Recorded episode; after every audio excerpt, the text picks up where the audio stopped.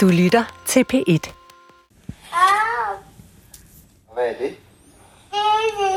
Æble. Æble. Og hvad er det? Banan. Nå, Svend, det var et lille klip hjemme fra mig. Og af min øh, snart toårige, det er han måske lidt, han er, jeg ved ikke helt, han er måske 20 måneder her. Ja. Jeg synes, at han, Han- talte godt. Han, han fejler jo fuldstændig Han spurgte, om de nationale banan, test. og Ja, sådan tak. og øh, grund til, at jeg spiller det her lille klip, det er, fordi jeg så vil spørge dig som psykologiprofessor. Skal jeg være bekymret over en dreng på snart to, som... Ja, ja, ja, jeg synes, han kan godt kende forskel på en banan og en æble, men det er mere, hvordan det smager, tror jeg, end at han kan finde ud af at, at udtale det. Altså med forbehold for, at jeg virkelig ikke er ekspert i børns sproglige udvikling, så vil jeg sige nej. Øh, og det er jo også med udgangspunkt i anekdotisk erfaring fra selv at have været far til en på samme alder, som talte cirka på samme måde. Øh, Og det er betryggende. Ja, han Eller øh, hvad? kom sent i gang med at, at sige hele sætninger. Men da han så først begyndte på det, så øh, ja, har han ikke været til at stoppe lige siden. Så øh, det, det, det tror jeg er ret almindeligt. Altså, der er en, et, et bredt vindue, øh, om jeg så må sige, hvor, øh, hvor, hvor de ligesom begynder at, at sige en hel masse ting. Og grund til, at jeg også spiller det, det er jo fordi, at det er det er en af de ting, som jeg som småbørnsforælder kommer til at sidde og google. Er det for sent? Er alt tabt? Er håbet ude? Vil det her lille menneske ikke øh, klare sig særlig godt, fordi at øh, det allerede er bagud? Og øh, det, er noget, det er noget af det, det skal handle om i dag. Det er det her med, når forældre øh, prøver at finde ud af, hvad er op og ned. Hvad er det rigtige? Hvad er det forkerte? Og der vil jeg så komme med en lille påstand, som jeg gerne vil bede om at bede eller afkræfte, men at psykologerne har været lidt med til at skabe sådan en eller anden idé om, at forældres indvirkning på deres børn er meget afgørende. Og det er noget af det, vi gør derhjemme, der kommer til at skabe det menneske, som skal være ude i samfundet og klare sig skide godt. Køber du den? Ja, altså det gør jeg jo sådan set, men det er jo heller ikke grebet helt ud af den blå luft. Altså den tidlige interaktion mellem øh, forældrene, omsorgspersonerne og barnet er jo vigtigt, og der er øh, forsket rigtig meget i øh, den første tid, de første år, de første øh, 1000 dage, de første 100. Altså der er sådan nogle øh, måder at beskrive det på, som er flyttet ud fra øh, psykologernes øh, forskerkontorer, ud i den almindelige offentlighed, ud i øh, selvhjælpsbøger til forældre osv., og hvor jo længere man når ud med den slags formidling af viden, desto længere væk kommer man jo så også fra, at forskeren sidder med alle de forbehold, øh, som man kan have i videnskabelige artikler, og når man øh, bedriver sin forskning, og jo mere kommer det til at fremstå som endegyldige sandheder. Sådan her skal det være, og hvis ikke barnet kan det på det tidspunkt, så skal du søge hjælp, fordi så er der et eller andet galt, og sådan er det jo altså sjældent. Ved du, om man må vække et barn fra en lur? Øh, mm, det har jeg ikke vidst noget om før i dag, men nu, altså, nu har jeg faktisk læst lidt om det mm. øh, som forberedelse til i dag, så nu ved jeg lidt mere om det. Men når du spørger på den måde, så vil jeg jo egentlig sige, nej, det har jeg aldrig tænkt over, øh, om man må vække et barn fra en lur, eller ej. Altså, når vores sov, så var det jo bare utrolig dejligt, at de sov, og så galt det om virkelig ikke at få vækket dem. Ja. Nå, men det er fordi, jeg har været en del af en... en jeg ved ikke, om det er så måske Københavner-ting, men at der er i hvert fald... Øh, er mange, der siger, at det er nærmest forbudt at vække børn fra en lur. Og det, øh, det, det er sådan noget, jeg synes er, kan virke lidt øh, underligt, at man som, øh, som forældre skal så lidt prøve selv at finde ud af, hvad er så det rigtige og det forkerte. Og så ender man ofte på Google og sidder og tjekker det ene og det andet, og der er virkelig, virkelig, virkelig meget derude Ja. ja. information. Jo, jo, jo. Og man kan ende i alle mulige boldgader. Jamen, det stikker øh, i så mange retninger, ikke? Altså, specielt faktisk omkring børns søvn. Øh, ja, så er der det her med, om man må vække dem fra luren, men det er også noget med, skal de, øh, tager de skade af, hvis de ligger og, og skriger øh, for længe, inden man opdager dem og kommer ind og løfter dem op, eller mm. skal de sove øh, sammen med forældrene så længe som muligt, eller skal de adskilles fra og sove alene, osv. Og det er jo virkelig en øh, jungle, og noget af det, som beroligede mig, da jeg var far til små børn, det var at øh, orientere mig lidt i den tværkulturelle litteratur. Det lyder måske lidt mærkeligt, men altså... Det lyder også meget, hvor øh, meget- som om det kun er dig, der har gjort det. Ja, det er det måske. Ja, det er det så ikke helt kun, øh, for det skal vi også måske høre lidt mere om i dag. Men, men, men det der med, at børn bliver til øh, velfungerende mennesker på mange forskellige måder rundt omkring i verden. Ikke på en uendelig øh, mængde måder, fordi der er selvfølgelig ting, som er godt alle steder i alle kulturer, men, øh, men der kan være stor variation i, hvordan man øh, er sammen med børn og opdrager børn og får, får nogle fine, velfungerende mennesker ud af det. Ja, og, og hvad er der egentlig på spil, når vi så søger viden? Fordi nu, nu du øh, helt tydeligt har jo en forskerhat på og kan finde ud af at gøre noget andet end de fleste af os andre, der bare sidder ubehjælpsomt og googler den slags ting. Altså, hvad er det, og, og, og hvorfor, er, hvorfor er det måske, at nogen i går så en myter eller sandheder kommer til at leve så, så stærkt iblandt os? Øh, Jamen, nok fordi vi har brug for øh, regler og retningslinjer. Ikke? Altså i et moderne samfund som forældre, der overtager vi ikke bare en til en vores egne forældres øh, praksis og måder at opdrage på. Det gjorde man jo før i tiden, der kopierede man bare. Der var ligesom den måde at gøre det på, der var en praksis, og den gentog man. Nu vil vi gerne gøre det rigtige, og ikke bare det, der tilfældigvis er blevet gjort, fordi vi vil gerne optimere børnenes chancer for at klare sig godt øh, her i livet, og det er selvfølgelig alt ære værd, men, men så bliver det jo nogle gange også sådan lidt enøjet. Altså formulerer man sig meget kategorisk, man formulerer sig ud fra sådan nogle øh, regler og ud fra sådan nogle øh, faser, og hvis ikke barnet lige kan det på det tidspunkt, øh, så er der et eller andet helt galt, og mm. det er der altså sjældent heldigvis. Jeg vil bare sige, at jeg glæder mig som småbørnsforælder bare til at læne mig tilbage, og så høre øh, fakta og myter om børns udvikling, fordi det, det, det den bog, der er omdrejningspunkt for dagens udsendelse, hedder, og det, ja, du må take it away, Svend. Svend. Svend. Slå ørerne ud, Kristoffer. Og slå især ørerne ud, fordi vi har de her øh, virkelig kompetente gæster med os i dag. Velkommen til jer. Det er Trine Sonne, øh, Sonne og Toril Svejstrup Jensen, som begge er udviklingspsykologer og har skrevet den her bog, Fakta og myter om børns udvikling, som næsten lige er kommet fra trykken. Tillykke med udgivelsen. Jeg skal lige også nævne, før I får lov at komme til ord, at Toril er adjunkt i psykologi ved VIA University College, og Trine er seniorforsker ved Aarhus Universitet på Psykologisk Institut. Så velkommen til. Tak. Og tak. endnu en gang tillykke med bogen Fakta og myter om børns udvikling, der altså jo både tager nogle af de her myter op. Øh, Christoffer var øh, inde på, på en af dem, som vi måske kan vende tilbage til, men også mere generelt er en indføring i øh, alt muligt. Det er godt at vide om øh, børns udvikling, specielt i de øh, tidlige år. Nå, kender I som eksperter på feltet selv det der med at forsøge at finde svar som mødre, Toril? Ja, i den grad. det gør du. Ja. Øh, jeg stiftede selv bekendtskab med det, nemlig dengang jeg blev mor for første gang tilbage i 2016. For inden havde jeg jo beskæftiget mig i noget tid med, med viden om, om øh, børns udvikling og forskning om børns udvikling, og synes egentlig selv, inden jeg blev mor, at jeg vidste måske en ting eller to. Men øh, dengang jeg så selv blev mor, stiftede jeg for alvor bekendtskab med både den der usikkerhed, der kan være, øh, men også den der hien efter og gerne vil finde svar. Ja. Øh, Samtidig så stiftede jeg også bekendtskab med en helt anden form for viden om børns udvikling, end jeg egentlig var, øh, var vant til. Og blev bare i det hele taget opmærksom på sådan lidt den kløft, der måske lidt kan være imellem forskning og praksis. For eksempel sådan et begreb som tierspring, havde jeg aldrig nogensinde stiftet bekendtskab med, før jeg selv blev mor. Øhm, og lige pludselig så kunne jeg høre, at det var et begreb, der var på alles læber. Okay. Det var øh, det, vi talte om øh, i, øh, i mødergruppen, øh, og i det hele taget, når man googlede, så stod der rigtig meget omkring tierspring. Nå, så der laver jeg lige en note, fordi det kunne jeg godt tænke mig at vende tilbage til øh, om lidt. Øh, Trine, hvad for nogle holdninger mødte du øh, som mor?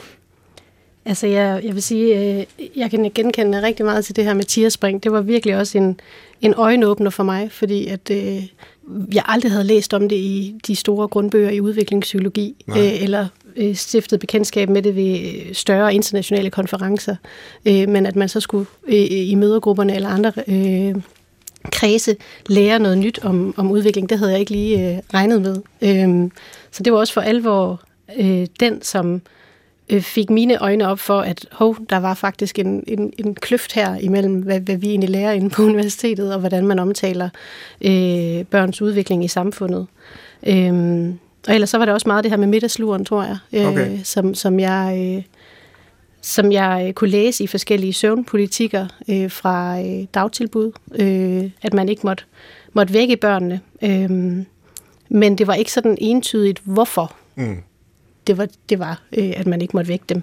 Øh, så det var nok særligt middagsluren og tierspring, der sådan for alvor fik vagt en, en nysgerrighed i mig. Ja. Er I blevet møder på samme tid, sådan cirka? det er vi faktisk, ja. Vi øh, fik begge to børn i 2016, Ja. Øh, ja første gang. Okay, ja, Ja. fordi vi fik øh, vores ældste i 2002, og den yngste i 2008, og når jeg tænker tilbage, så kan jeg ikke huske, at jeg hørte noget om tierspring dengang. Nej. Og det er jo ikke øh, så mange år før, trods alt. Øh, så hvorfor optræde det begreb lige pludselig?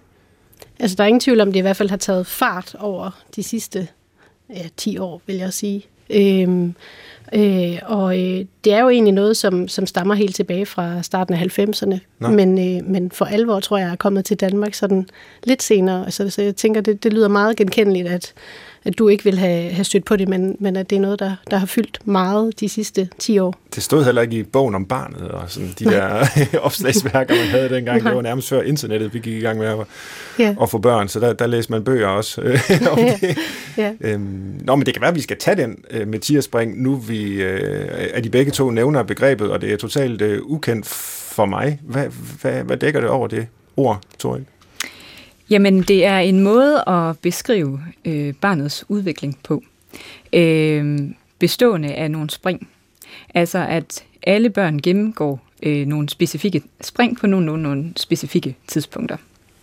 Øh, og når de her spring, de indtræder, så er det kendetegnet ved, ved at øh, barnet bliver sådan meget klyngende, måske mere grædende, øh, sover dårligt, øh, og på den måde bliver meget sådan utidig i sin, sin opførsel. Øhm, og når barnet så er på den anden side af det her spring, så har det typisk øh, tilegnet sig øh, nogle, nogle særlige færdigheder. Aha. Hvor mange af de her spring er der?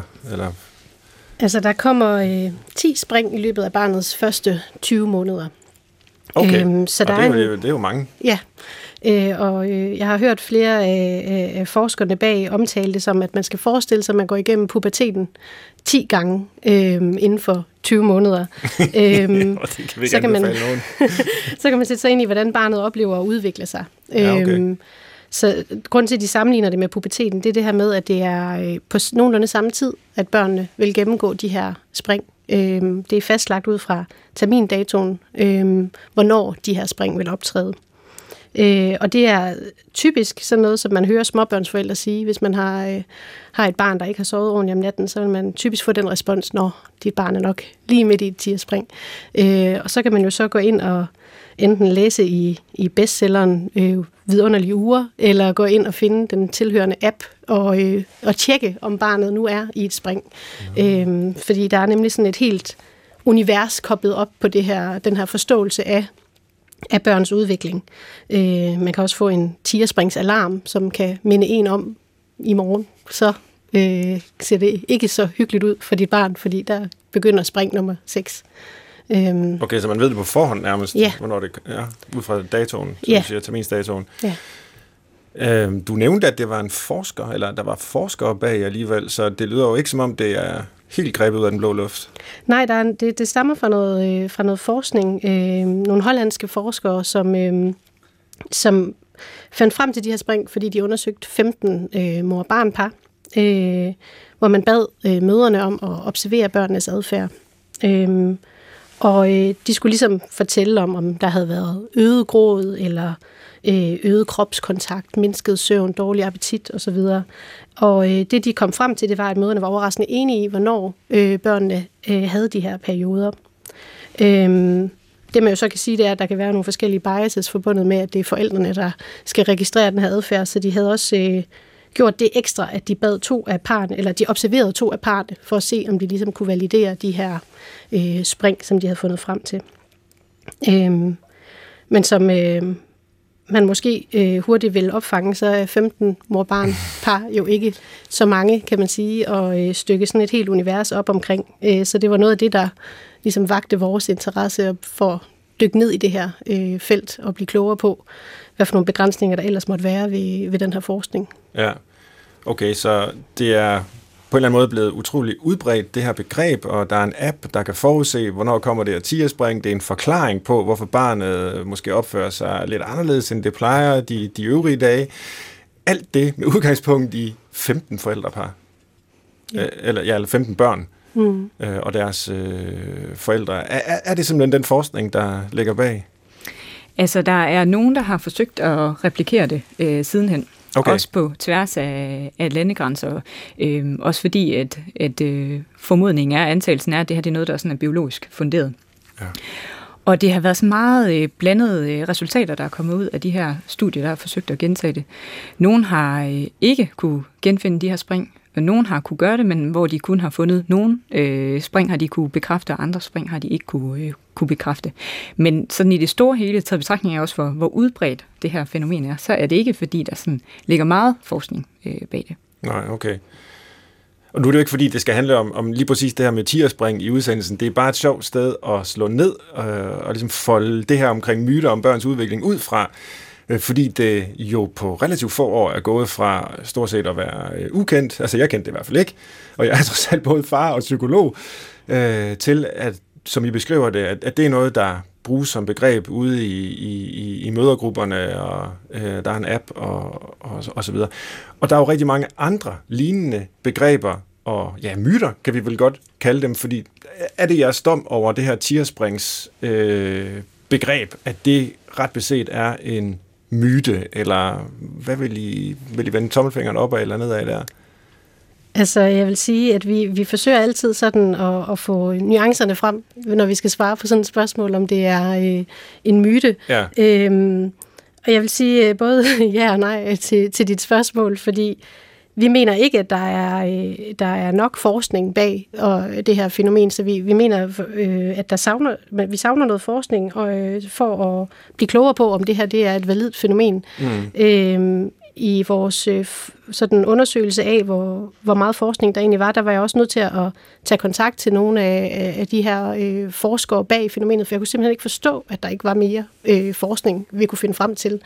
Øh, så, øh, så, så jeg havde personlig kontakt med Michael Heimann, som er en af forskerne bag, øh, for at høre, har vi overset nogle søgeord eller et eller andet, siden at vi ikke, øh, vi ikke når frem til, til flere artikler. Øhm, og det mente han ikke, at jeg havde. Øh, han, han, han øh, påpegede også, at der var begrænsninger ved øh, forskningen her.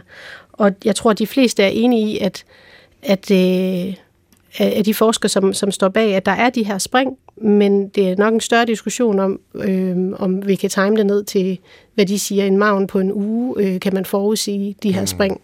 Øh, så det, det er...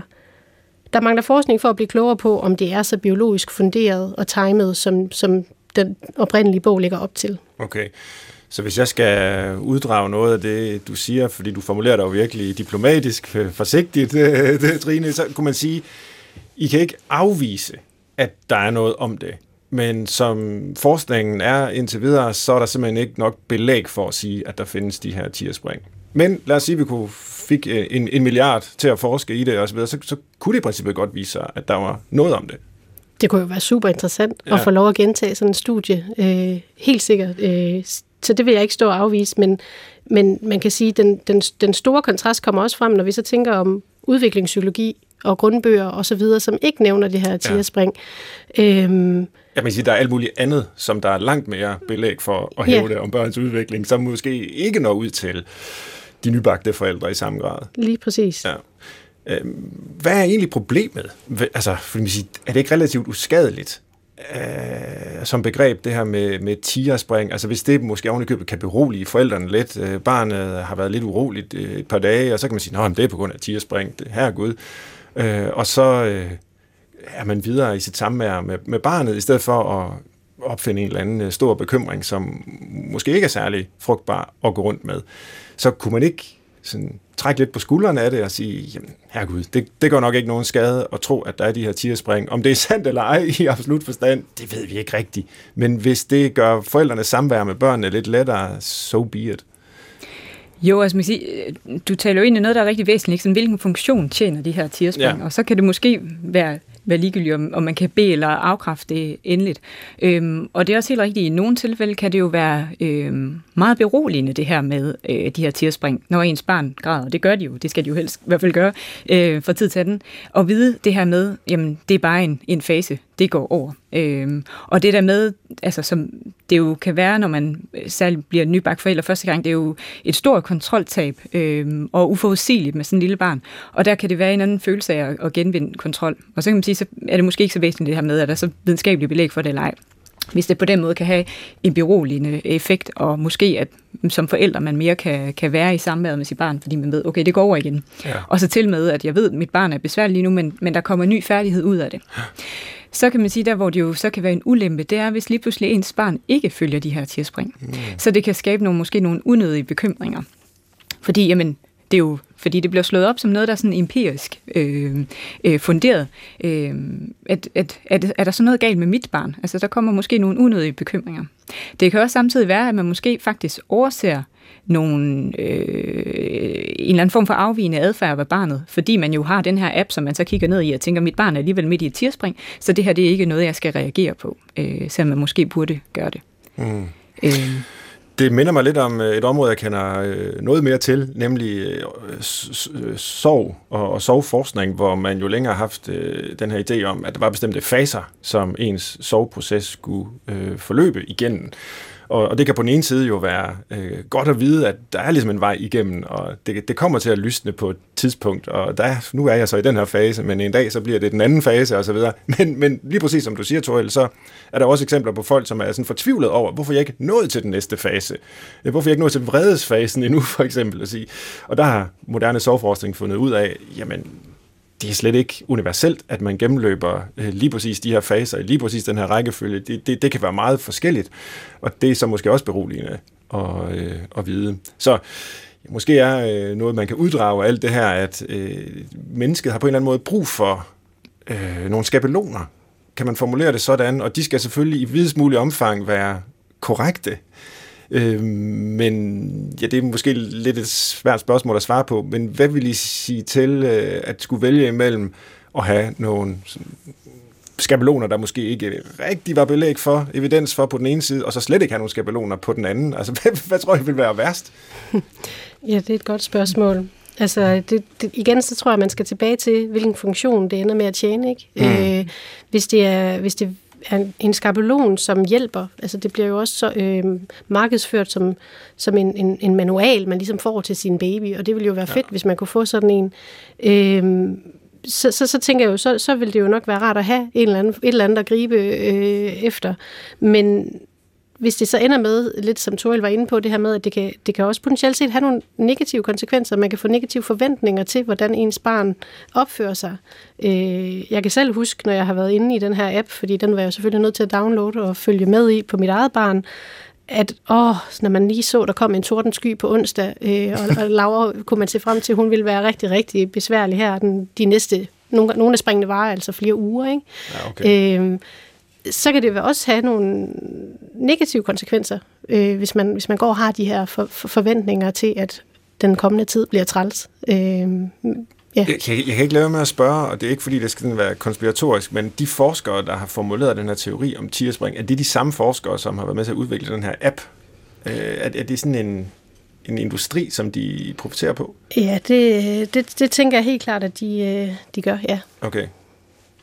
Det snakker vi jo ikke så ofte om øh, i, i, i videnskaben, at nogle af de teorier og øh, noget af det viden, der bliver skabt, jo også kan have det her øh, man kommercielle aftryk. Øh, er, er, er det værre, tror I, når det gælder børn og børns udvikling, med myter, der får lov at leve og bliver til koncepter og kurser og apps og selvhjælpsbøger, end det er på alle mulige andre områder? Fordi man kunne også, hvad ved jeg, øh, have teorier om, hvordan det er at blive gammel. Det findes der jo også øh, forskning på. Øh, teorier om, hvordan det er at blive skilt. Det findes der også forskning på, osv. osv. Men det er som om, at det, når det er børn og børns udvikling, så får det bare sådan en ekstra dimension. Eller er det bare min oplevelse, tror jeg? Nej, det tror jeg bestemt, du har ret i. Øh, altså, børn og viden om børns udvikling, og hvordan man kan fremme, øh, den er jo i sig selv en, en kæmpe øh, industri. Øhm, og det giver også god mening, fordi barndommen er jo rigtig, rigtig vigtig. Mm. Øhm, for at citere det her smukke øh, digt af Tove Ditlevsen, så er øh, øh, barndommen jo på en eller anden måde vores væsens rod. Ikke? Øhm, så det er vigtigt også, at vi tager det alvorligt. Men samtidig er det også noget, som sådan er øh, omgivet af ret stor mystik. Øhm, fordi at vi ikke, som sådan i hvert fald med de helt små børn, selv kan spørge dem. Øh, de kan ikke selv fortælle, og det der måske i virkeligheden kunne være bedst, og man måske nogle gange, jeg ved ikke om det er bare som udviklingspsykologisk forsker, kunne ønske sig lidt tilbage og håbe, eller sådan, øh, have et ønske om, at man kunne på en eller anden måde kunne genleve øh, øh, udviklingen igen igennem barnets øje for, øh, øjne for at forstå det. Øh, og så er det som om det her, når det kommer til børn, at så er, der, øh, så er det noget, vi alle sammen har en mening og holdning til, fordi vi har alle sammen selv været børn engang. Øh, taler for egen regning, men jeg nævner det der selv, og det tror jeg, der er mange andre også ikke, man kommer til at sige det, da jeg var barn og så videre. Ikke? Ja. Så vi har alle sammen en eller anden forståelse af, hvad er det? Det siger jeg dagligt til mine børn, faktisk. Da, da, da, da, da jeg var barn, ja. der fik vi kun to frikadeller. ja.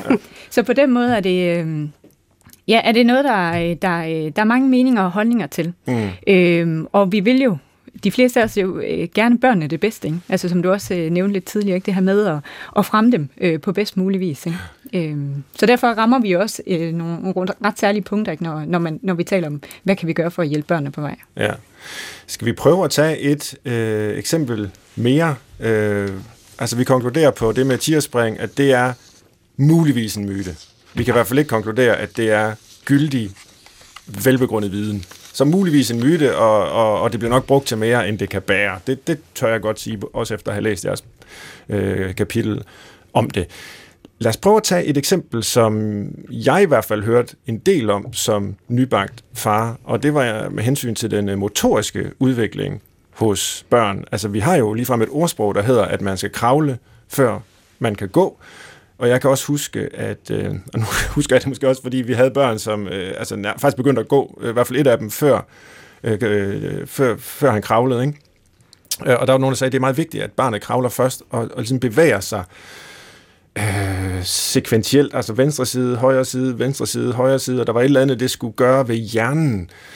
Og øh, jeg var psykolog, og jeg, øh, fuldstændig ligesom den oplevelse, I fortalte om før Mathias tierspring, det, det kan jeg simpelthen ikke huske, jeg har læst om. Jo, der var noget Piaget med motorikken i forhold til den øh, kognitive udvikling, men, men lige frem det der højre, venstre, højre, venstre, det, det kunne jeg simpelthen ikke øh, huske, jeg havde læst om. Så, nå, det skal ikke handle om øh, mig som øh, far. Lad, lad os prøve at starte med det meget simple spørgsmål. Øh, ordsproget, man skal kravle før man kan gå. Passer det i sådan en helt bogstavelig forstand? Trine? Øh, altså, der tror jeg hurtigt, vi kan sige nej. Øh, okay. det, det, det, det gør det egentlig ikke. Øh, det er ikke en obligatorisk milepæl, at man ligesom skal kravle. Øh, det er ikke øh, noget, øh, som alle kulturer fremmer, øh, og, øh, og der øh, kan man netop øh, skele lidt til, hvordan det ser ud i, i forskellige kulturer. Øh, i vestlige kulturer, der, der ser man det som ret vigtigt, at man, at man, at man ligesom kravler først. Øh, men, men det er ikke noget, som, som der er forskningsmæssigt sådan, øh, støtte til at tænke, at, at man skal kravle før. Nej, for der er simpelthen nogle steder, øh, hvor man de steder hindrer, eller forhindrer, at barnet kravler, fordi det, ser, det bliver anset for, for noget, der er for, for primitivt. Ikke? Okay. Så det, der, det der det er rigtig interessant, ikke? det der, ja. hvis vi sådan skiller... Hej, så der du... gå bare. altså, som, ja, hvad laver du dernede? altså, som du nævnte til at starte med, ikke? Altså, den der sådan store kulturelle diversitet, ikke? der ja. er i, i børns udvikling. Øhm, og det er ret interessant, der skille til, og særligt også med den motoriske udvikling. Altså, hvor, hvor forskellige forståelser der er skal vi overhovedet frem fremme den motoriske udvikling? Er det noget, vi skal træne? Nogle steder i verden, f.eks. i Japan, er der lidt mere den overbevisning om motorikken, det kommer mere af sig selv. Og så er der andre steder, f.eks. i Kenya og Jamaica, sådan, hvor at man, man øh, prioriterer det her med motorisk udvikling rigtig mm-hmm. højt. Øh, og der ser man faktisk også, at øh, mange børn der kommer faktisk til at, at gå tidligere sammenlignet med andre øh, nationaliteter. Men det udligner sig over tid. Ja, langt de fleste mennesker, som altså har almindelig førlighed, de, de lærer faktisk at gå. Ja. ja.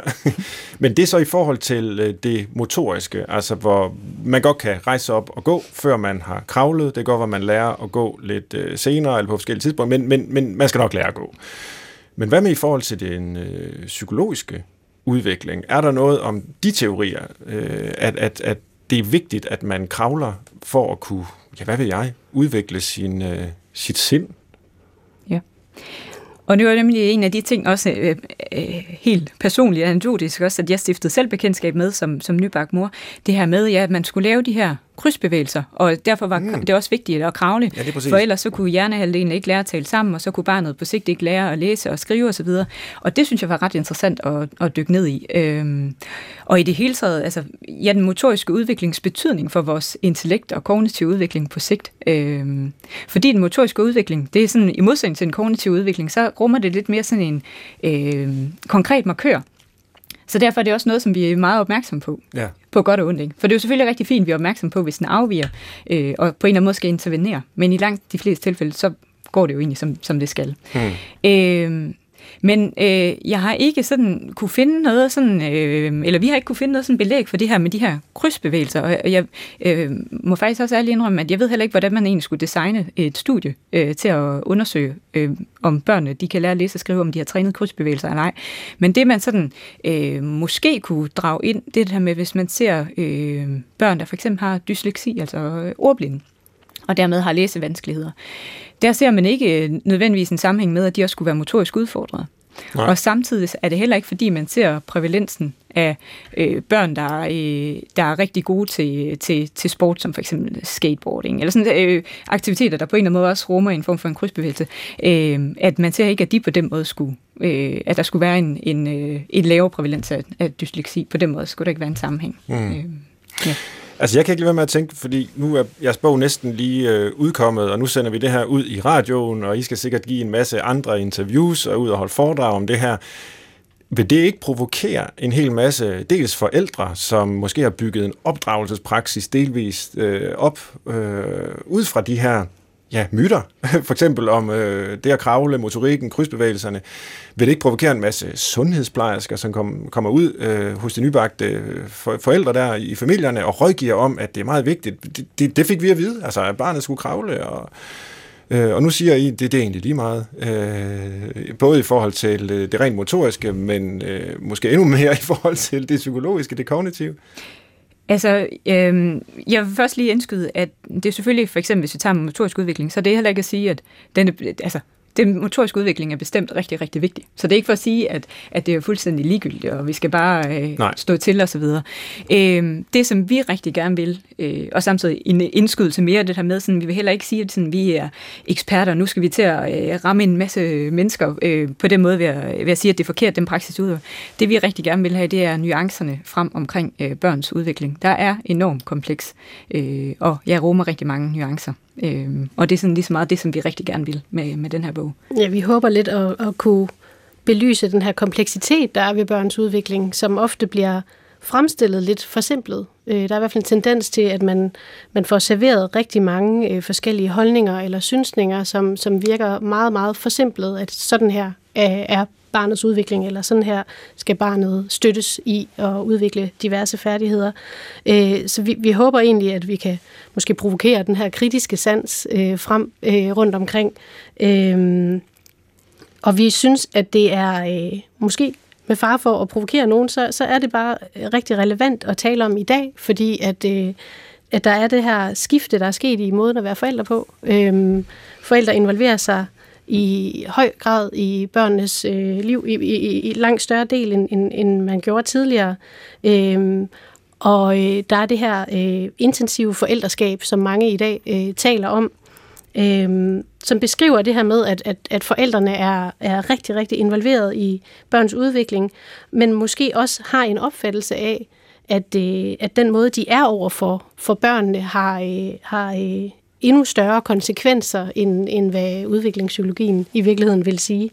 Øh, så man kommer til at overestimere den betydning, øh, øh, forældrene spiller, øh, og overser andre faktorer. Så, så vi håber egentlig, at, at vi med, med bogen kan være med til at nuancere, belyse kompleksiteten og, og få sat nogle af de her ek- ekstra andre faktorer i, i spil. Ja. Øh, Lad os tage et par stykker mere. Det er lidt sjovt at dykke ned i noget af det øh, konkrete, og, og, og der er masser i bogen, og jeg vil øh, bestemt opfordre lytterne til at gå ind og, og, og købe den og læse den og, og blive klogere, specielt hvis man øh, er, er forældre til et lille barn.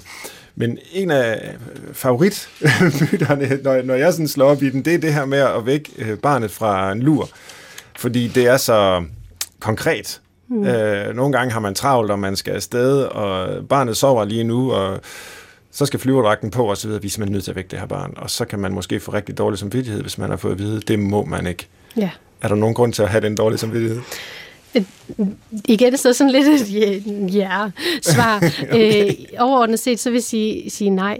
Det er der nok ikke grund til at, at have så dårlig samvittighed over. Øhm, og øh, jeg tror noget af det, som fik os i gang med at undersøge det her fænomen, det er også det, at vi jo egentlig er nødt til at vække vores børn ret ofte om morgenen. Mm. Øh, og den del bliver ikke så ofte belyst, at det skulle være skadeligt. Øhm, så, øh, det, det føles skadeligt. Men, øhm, så, så vi var lidt nysgerrige på, hvad, hvad ligger der egentlig bag, når vi læser de her forskellige øh, udsagn om, at det skulle være potentielt set skadeligt at vække dem fra middagsluren, eller hvad, hvorfor er det, vi ikke må vække dem fra den her lur? Øhm, vi havde simpelthen vanskeligt ved at nå frem til, til reelle undersøgelser af det her. Mm. Øhm, og lidt ligesom Toril var inde på før, så kan man også forestille sig, at det, eller det er vanskeligt at forestille sig, hvordan man præcis vil undersøge det her. Øh, også sådan rent etisk. Hvordan vil man lige øh, bede forældre om at have deres øh, børn med i en undersøgelse, hvor vi undersøger, om det potentielt set er skadeligt at, at, at vække børnene fra luren. Øhm, men der er ingen tvivl om, at søvn er afgørende for vores udvikling. Middagsluren er afgørende for børns trivsel, så øh, på den måde er der jo noget om, at det er vigtigt med den her middagslur. Mm. Øh, men at øh, middagsluren har stor betydning, er jo ikke det samme som at sige, at det er skadeligt at, at vække dem, eller potentielt skadeligt at vække dem. Øh, det fylder rigtig meget for, øh, for fagprofessionelle, det her med middagsluren, så det er ikke bare noget, som øh, fylder for småbørnsforældre. Øh, og øh, vores bog henvender sig jo også til fagprofessionelle, som ofte kommer ud i det her med, at man kan, have, altså man kan blive uenig med forældrene om, er det en god idé at vække barnet hernede i, i vuggestuen? Og, og jeg tror, øh, at, at, at når man ser på statistikker fra, øh, eller, øh, fra, fra FOA, de har, de har lavet nogle statistikker, nogle undersøgelser, hvor at halvdelen af personalet i dagtilbud fra 0 til 2 år oplever, at det kan føre til uenigheder, når vi taler om det her med, med søvn med forældrene. Øhm, så det er noget, der fylder både hos forældrene og hos fagpersonalet, og, og, og øh, hvad, hvad stiller man op med det? Hvad, mhm. må vi egentlig vække øh, børnene? Øhm, men som sagt, så kunne vi ikke rigtig finde øh, svar på, øh, hvorvidt det var skadeligt. Det vi så gjorde i stedet for, det var at dykke ned i og forstå, hvad betyder øh, middagsluren egentlig? Øh, hvilken betydning har den for øh, den kognitive udvikling? Øh, og der er der lidt øh, blandede øh, resultater på området. Der er helt klart en stigende interesse for området. Øh, det bliver øh, undersøgt rigtig, rigtig meget.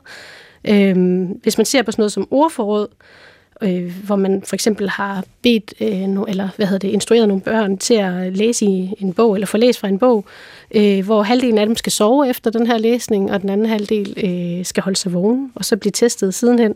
Så har man fundet i nogle studier, at det har en effekt på, på deres øh, ordforråd, altså at de børn, der sover efter at have lært ordene, klarer sig bedre. Mm-hmm. Øh, men det er stadigvæk noget, som er med blandede resultater. Jeg tror, øh, der, hvor det står stærkest, det er i forhold til hukommelse.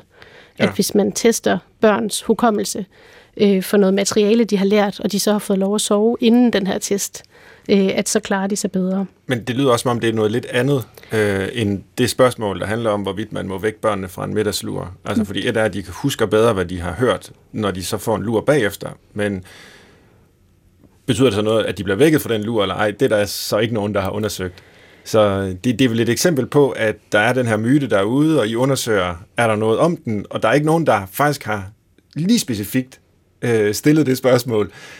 Og så leder I sådan lidt rundt om, ikke? Mm. Altså, er der så nogle indicier andre steder fra, øh, fra nogle ja. andre undersøgelser? Og det er der måske lidt, men alligevel ikke helt. er, er, er det en fair måde at, at udlægge det på? At det er sådan et detektivarbejde, hvor I prøver at komme tættere og tættere på, men ah, der er ikke lige det der bullseye, det er der meget sjældent, hvor man ja. kan sige ja eller nej helt entydigt.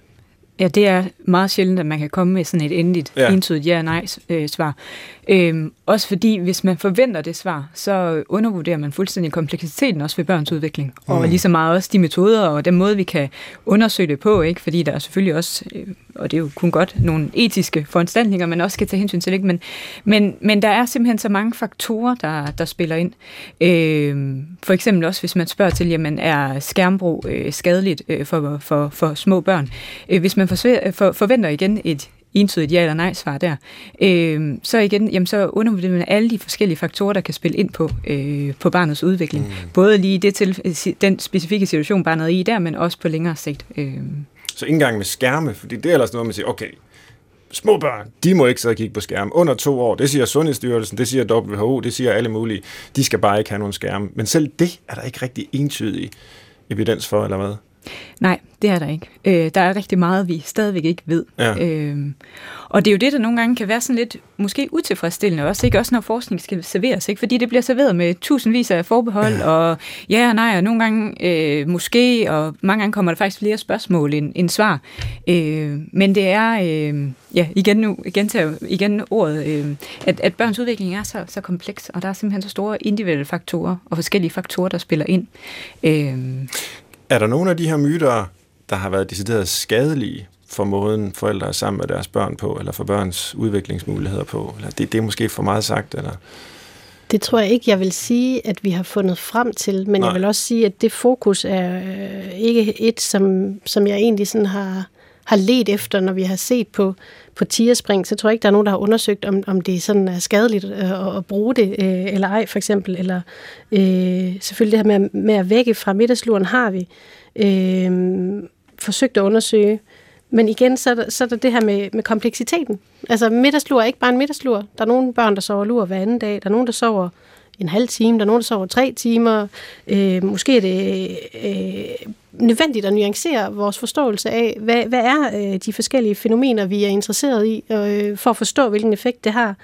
Øh, der er mange, hvad kan man sige, udsagn, der også går på det her med søvn avler søvn, øh, og, og i forståelsen af, af middagslur har man ofte fremhævet det, som, som at det, det var derfor, det var vigtigt, fordi så sov de også bedre om natten, hvis de sov godt til middag. Mm. Øh, det er løgn.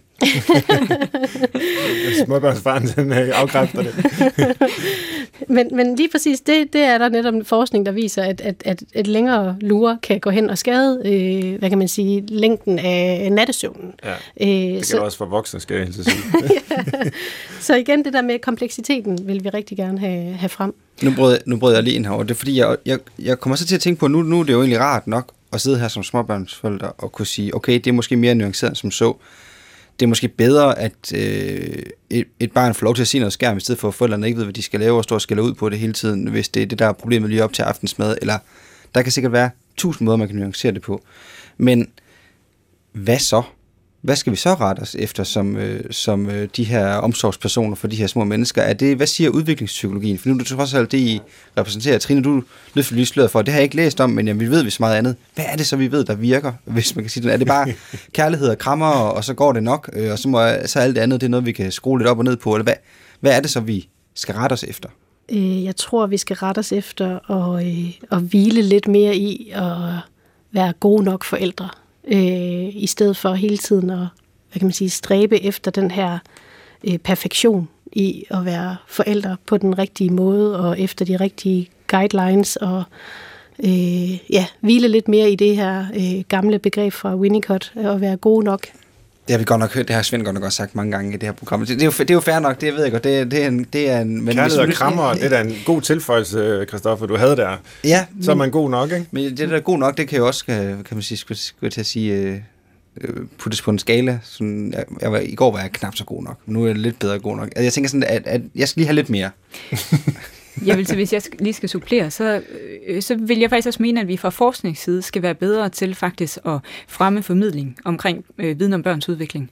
Øh, og, og, og gøre det lettere tilgængeligt. Ikke? For det er jo det, der er udover, at det kan være lidt kedeligt med de her sådan, øh, ikke særlig entydige svar fra forskningsside, så er det jo også et problem, ikke? at den forskning, der ligger, ikke er særlig tilgængelig. Øh, mm. Det er svært at tilgå, det kræver typisk en betalingsadgang, og hvis man så har den, så er det jo, altså, øh, selvom jeg selv synes, at det er vældig spændende, så ved jeg også godt, at det er jo ikke en krimi at skulle tykke sig igennem sådan en, en videnskabelig artikel. Så jeg, som forskere har vi også en, øh, øh, et vigtigt øh, ansvar. Øh, og også lige så meget det her med at kunne få formidlet, okay, en ting er for eksempel, det kan godt være, der er noget øh, forskning, der er lavet på det, men forskning er jo ikke entydigt godt. Det her Nej. med at få formidlet, hvordan er det egentlig øh, tilvejebragt, og hvad er det for nogle bidrag og begrænsninger i det? Øh, og det er lige så meget det, som vi også prøver på med den her bog. Øh, vi kunne have valgt ligesom, altså, en hel masse andre øh, myter øh, eller forståelser af børns udvikling, og jeg tror også, vi har nok stof til en, til en bog mere. Øh, men det, der er sådan ligesom er pointen her, det er ligesom meget, nu har vi valgt nogle tematikker, øh, og det skulle meget gerne sådan gå igen også i løbet af bogen. Hvad, hvad er det så, øh, hvad er det, vi kan, vi kan tage med os for at bedre kunne forstå øh, børns øh, udvikling? Er det et spørgsmål mere sådan? Fordi så, nu bliver jeg lige lidt lukket af, når jeg i går så bare skal være god nok. Er det så lidt sådan, uh, whatever works? Altså, for så er, det jo, så er det jo klart nemmere, vil jeg så sige, at komme hjem fra vuggestuen, og så bare sætte skærmen i gang. Og så, og så læne mig tilbage og tænke, jeg, jeg er sgu god nok. Det er sgu godt nok, det her. Vi, vi, øh, barnet får da noget mad, og, og øh, ja, der er relativt meget ro, og det kan også godt være, at der er et kys inden øh, godnat. Altså man kan sige, vi, vi ved jo også, at selvfølgelig interaktionen mellem forældre, barn eller omsorgspersoner, i det hele taget barn, er jo enormt vigtig. Øh, og vi kan jo selvfølgelig ikke bare overlade dem øh, til, til de her skærme, og de bare skal sidde, øh, ting, hvis det var så let, ikke? Det er jo selvfølgelig rigtig vigtigt, at vi har øh, en god øh, interaktion, både i forhold til, at barnet får øh, kvalificeret øh, sprogligt input, øh, omsorg, øh, øh, nærvær og opmærksomhed osv., og lige så meget også, at barnet lærer øh, omkring det at, at skulle være til i den her verden. Barnet lærer jo ikke bare på, på baggrund af bare selv at være, være til, er jo enormt afhængig af sine sin, øh, sin omsorgspersoner. Men det, der nok er mere vigtigt, det er det der med at forstå, at det ikke er, er et målestoksforhold, det hedder en til en. Øh, igen, der er simpelthen så mange andre faktorer, der spiller ind, og ikke kun for eksempel relationen mellem forældre og barn, men vores børn her i, i, i hvert fald i, i Danmark prøver også en del tid i daginstitutioner, der bliver de også påvirket. Senere i livet, der får de venner, som lige pludselig bliver mere spændende og vigtige for, for børnene i hvert fald, end, end forældrene, øhm, og har også noget at sige. Øhm, og i det hele taget, som livet jo er, ikke, der, der opstår enormt mange uforudsete begivenheder, øhm, som også påvirker sådan udviklingsforløb. Jeg vil gerne øh, gå lidt øh, ned ad samme øh, spor, som Christoffer er i gang med her. Både når jeg hører jer fortælle nu, og når jeg har læst jeres øh, bog, så kan jeg ikke lade være med at sammenligne det, I vil og er i gang med, med det, som skete med lægevidenskaben fra starten af 70'erne. Og nu skal det ikke blive alt for videnskabshistorisk og nørdet, men man, man tror, det er løgn i dag, men før omkring 1970, midten af 70'erne, der øh, lærte læger at gøre det, som de ældre læger gjorde. Øh, og, og man gjorde alt muligt, som faktisk ikke var ret godt for de patienter, man opererede eller gav præparater osv. Og, og så var der en, der hed Cochrane, der fandt på at sige, jamen hør, når vi skal træffe en beslutning om, skal den her patient have en behandling, og hvilken behandling skal det være, så skal det være evidensbaseret. Så vi bliver så at sammenligne nogle grupper, som vi giver en eller anden øh, intervention, en behandling, med nogle grupper, som vi giver ingenting, eller en placebo, eller en venteliste, eller i hvert fald noget andet. Ikke? Øh, og det, det er så sent, som i 70'erne, at det bliver systematiseret, og, og det er jo helt afgørende for lægevidenskaben i dag, og udviklingen af al ny medicin osv., at det er evidensbaseret. Og det er jo på en måde lidt det, som I, øh, måske uden at sige det med de ord, øh, er i gang med, når det gælder relationen til børn. Og der er selvfølgelig noget, hvor vi kan sammenligne med, med, med det lægevidenskabelige der, men, men der er også noget, hvor det adskiller sig. Og det har jeg også været inde på her i snakken, hvor det er langt mere øh, besværligt på en eller anden måde, fordi vi kan ikke bare øh, lave de samme typer eksperimenter med virkelig levende børn, som vi kan med, med, med kroppe, der får en øh, behandling eller ingen behandling. Øhm, og jeg får nu at konkretisere den her lille tirade ned i, i et spørgsmål. Altså, hvad skal for eksempel sundhedsplejersken sige, når hun kommer ud til øh, forældrene, øh, hvis det er, der ikke er evidens for mange af de ting, vi plejer at gøre? Øh, skal hun så sige, det vi plejer at gøre, det er sådan og sådan og sådan, men øh, der sidder nogen, der hedder Toril og Trine, og de siger, at vi må kun gøre det, der er evidens for. Det, det gør I ikke. Nu parafraserer jeg, og I får ordet lige om lidt og kan, kan pille det fra hinanden. Vi må kun gøre det, der er evidens for. Øh, så øh, det ved jeg faktisk ikke rigtigt, hvad I skal, kære forældre. Eller kan I se dilemmaet? Mm. Øh, altså, vi har måske kredset om det, det før, men det er det der dilemma mellem at have noget at holde fast i, som vi måske ikke helt ved, om det passer, versus ikke at have noget, fordi vi vil kun vide det, der er sikker viden. Men når det gælder børn på den her måde, så er der næsten ikke noget sikker viden. Så hvordan løser vi den? Ja, over til jer. Altså, det, er jo, det, er jo, det er jo en vanskelig opgave, øh, men jeg tænker, at, at, at hvis man kunne få noget klarhed over, hvor forskellige udsagn eller holdninger kommer fra, ja. altså om det er evidensbaseret eller ej, ja. øh, allerede der synes jeg, vi er nået langt, hvis, hvis, hvis man kan være tydelig om, hvor ved du egentlig det her fra? øh, vi, vi, vi beskriver jo også udviklingen af hukommelsen, for eksempel i, i, i bogen, øh, og hvor man tidligere så øh, børns hukommelse som nærmest øh, noget fraværende, altså at små børn kunne ikke øh, danne varige erindringer, øh, og derfor så gav man dem heller ikke bedøvelse ved større operationer. Øh, og der er vi jo heldigvis blevet klogere øh, ja, det, det øh, i, i, i dag, og, og agerer derfor også anderledes ud fra videnskaben. Så videnskaben er jo heller ikke sådan en fast størrelse. Den udvikler sig jo også konstant. Så noget af det, som, som vi skriver om, vil, vil vi jo sikkert tænke anderledes om øh, om 10 år bare. Mm. Ja, det er virkelig noget af det vigtigste, synes jeg, ved jeres øh, projekt. Øh, altså udover den her konkrete diskussion af myterne, som jo er virkelig sjov og spændende at læse om, så er det også det her nærmest projekt om videnskabelig dannelse, øh, som øh, alle forældre bør, bør have, men som man jo nok ikke lige har overskud til at få, når man sidder der, og barnet skal skiftes og mades og sove osv. Så, øh, så, så måske skulle den gerne være på plads inden øh, i, i, i befolkningen, at vi faktisk forstår lidt, hvad forskning er, og at det aldrig er hugget i sten helt entydigt, men det er det, vi mener at vide indtil videre. Der er nogle undersøgelser, der tyder på, at men vi kan altid blive klogere. Øh, men, men dilemmaet er vel egentlig lidt det samme. Altså, når man står der som småbørnsforældre og i en individualiseret kultur, hvor vi netop ikke bare længere gør, som mor og far gjorde, fordi tænk nu, hvis de gjorde noget forkert, og jeg skal jo gøre det rigtige, for at mit barns liv lykkes. Skal vi så kun gøre det, der er evidens for? Nej, fordi, øh, som du også selv øh, pointerer, så er det jo ikke, fordi der er evidens øh, for alt. Øh, men, Nej, det er men, jo faktisk for ret få ting, ja, ja, lige som er undersøgt altså, på den så, måde. Ikke? Men, men det, der kan være væsentligt, det er det der med at reflektere over. Øh, og det er ligegyldigt, om man er forældre eller om man er fagperson. Mm. Så det er med at reflektere over det. Øh, så tror jeg, man, egentlig, man, man, man kommer virkelig øh, langt. Hvor meget tror I, at øh, fagprofessionelle er klædt på til det her? Fordi nu i seneste er det ligesom diskussionen ud fra, at det er forældrene, der skal øh, lytte og forstå, og måske også beroliges. Og det er det jo også. Men det er jo også de her sundhedsplejersker, det er pædagoger, øh, det er i daginstitutionerne. Har I været inde og kigge på for eksempel, om nogle af de her myter lever i pensumlitteraturen på, hvad ved jeg, pædagoguddannelsen eller øh, for sundhedsplejersker? Øh, vi har ikke decideret været inde på, på de enkelte uddannelser, sådan at se, øh, nu kan sige, nu er jeg selv fornøjelsen og æren af at undervise på socialrådgiveruddannelsen. Øh, og der, hvor man i, i den grad kan bruge det her, måske ikke lige de her specifikke myter, som vi tager fat i her, men, men lige så meget sådan tankegang og tilgang til børns udvikling. Det er det der med igen, jeg reflekterer over, øh, hvorfor er det egentlig, vi gør, og når vi træffer nogle beslutninger, for eksempel som socialrådgiver, hvor man faktisk træffer nogle rigtig alvorlige mm. øh, og vigtige beslutninger, øh, hvad, hvad bygger de her øh, beslutninger så egentlig på? Øh, er det en, øh, forhåbentlig skal det ikke være en eller anden synsning eller holdning, fordi man lige synes, at det her det er en god idé at øh, tvangsfjerne det her børn, barn. Det skulle helst være på baggrund af, ja, af, af noget viden, vi har omkring øh, børns udvikling. Ja. Hvad svarer I selv, når folk øh, henvender sig? Det gætter jeg på, at de gør. Øh, det gør de til mig, og jeg er jo ikke engang øh, udviklingspsykolog eller, eller børneforsker, så jeg forestiller mig, når man sidder med det, som I gør, så må I få virkelig mange henvendelser, enten det er til familiefesten, eller bare en person, der sender en mail, fordi jeres navn kom frem i Google-søgningen, og uh, jeg ved ikke, er mit barn, som det skal være, eller hvad. Hvad, hvad svarer I egentlig folk, som, øh, nu, det kan selvfølgelig handle om alt muligt forskelligt, men, men har I sådan en, øh, en måde at gå, gå til det på, når folk er bekymrede?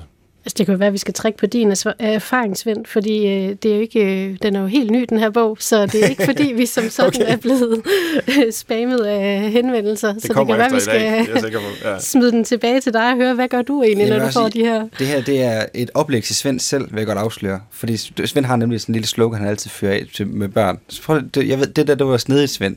Det får, det får du lægge den op til dig selv. Så sig den igen med din oldtidskundskab og, og havregrød. Og, hvordan er den er? Jamen, børn skal have ubetinget øh, kærlighed, og så skal de have rugbrød, og så skal de have oldtidskundskab. Og det behøver ikke at være oldtidskundskab, får jeg så altid til. Det skal bare være et eller andet i verden, der er spændende, som man hjælper børnene med at fatte interesse for, eller understøtter en interesse, når barnet har den. Øh, så, så de ligesom bliver verdensvendte. Men, men så skal det selvfølgelig være det materielle på plads, og det kalder jeg så rugbrød, og så skal der være ubetinget kærlighed. Det er jo den allervigtigste. Det er Christoffers øh, kram og, og kærlighed den kan man slippe afsted med øh, øh, i mange sammenhænge og fyre af. Øh, men men øh, nu tænkte jeg jo sådan lidt mere alvorligt, når folk virkelig er bekymrede og, øh, og, og vil henvende sig. Altså, men det har I så ikke været så meget ude for endnu. Men det kan I godt forberede på. Det vil mm. ske. så vil forældre skrive og ringe til jer mm. og sige, mit barn gør sådan og sådan. Øh, er det normalt? Jeg har googlet, og der står at Og det gjorde mig kun mere bekymret. Altså i virkeligheden, så vil vi jo nok øh, bede dem om at tage kontakt til fagpersonerne omkring barnet, hvis ja. de er øh, bekymret for barnet. Øh, der, der er jo nogle fagpersoner, som øh, er i tættere kontakt med, med det specifikke barn, som vil kunne, kunne hjælpe dem bedre øh, videre. Det er det frustrerende ved at være psykolog og udviklingspsykolog, øh, at øh, alt er ligesom kontekstafhængigt, og børn er forskellige og udvikler sig i forskellige hastigheder og i forskellige kulturer og i forskellige historiske epoker, så det er øh, utrolig svært at sige noget helt entydigt og universelt, men til gengæld så er det jo også det, der er det spændende og fascinerende ved det, øh, og som bestemt også kommer frem i jeres bog. Vi har kun én ting tilbage, som vi kan nå, og det er listen, hvor oplægget i dag er tre gode grunde til kun at lytte til din mavefornemmelse og aldrig spørge andre til råds. Altså når det gælder børn. Har I input til sådan en liste, som jo er helt øh, det omvendte af, hvad I har sagt? Ja, vi har, øh, vi har, vi har tænkt lidt over det. Øhm, og den første, det, det er, at du, du behøver egentlig slet ikke at spørge for at få gode råd. De kommer oftest helt af sig selv. ja, det er rigtigt. øhm, og øh, den næste, det er, at øh, mavefornemmelsen jo ofte er hurtigere, end at finde et forskningsbaseret svar. Ja. Øhm, og den sidste, det, det er det her med, at, at mavefornemmelsen også er vanskelig at undgå. Øh, men at i virkeligheden lidt et spørgsmål tilbage til dig, Svend, fordi hvad er egentlig en mavefornemmelse? Ja. Øhm, det er nok ikke helt sådan forskningsmæssigt øh, entydigt svar på, Nej. øh, hvad, hvad, hvad det er for en størrelse. Jeg ved ikke, hvad du tænker om Det er et upræcist begreb, det medgiver jeg. Det kan både være en intuition, øh, som jeg forstår det, som i nogle øh, sammenhæng jo kan være kultiveret, dannet, opbygget gennem lang tids erfaring med noget, men så kan det også bare være den der flygtige... Jeg hørte lige en, der sagde forleden, at, og derfor så er det nok rigtigt, fordi øh, hun virkede meget øh, autoritativ. Mm. Øhm, så begrebet mavefornemmelse er måske lidt for upræcis i den sammenhæng. Så tak for at øh, turnere den tilbage, og så må vi lave et program om, hvad, hvad det er for noget med den i en anden sammenhæng. Ja. Det var jeres fælles bud til en liste. Jeg vil bare lige Ja. tjekke, du ikke har yderligere, Toril. Det var også øh, glimrende dårlige grunde, kan man sige, til kun at lytte til mavefornemmelsen og aldrig spørge andre til råds. Nu håber jeg, at I som lyttere i hvert fald er blevet klædt lidt på til at have kritisk sans og øh, have lyst til at gå ind i en refleksion, og ikke bare den hurtige øh, beslutning om, hvad der nok er rigtigt og forkert, som nogle gange kan være en myte i forhold til børn. Det var Brinkmanns Brix i dag med Trine Sonne og Toril Svejstrup Jensen, som altså har skrevet bogen her, Fakta og myter om børns udvikling. Holdet bag Brinkmanns Brix er tilrettelægger Christoffer Heide Højer og jeg selv, Svend Brinkmann. Vi er tilbage om en uge. Jeg håber, vi høres ved. Tak for i dag.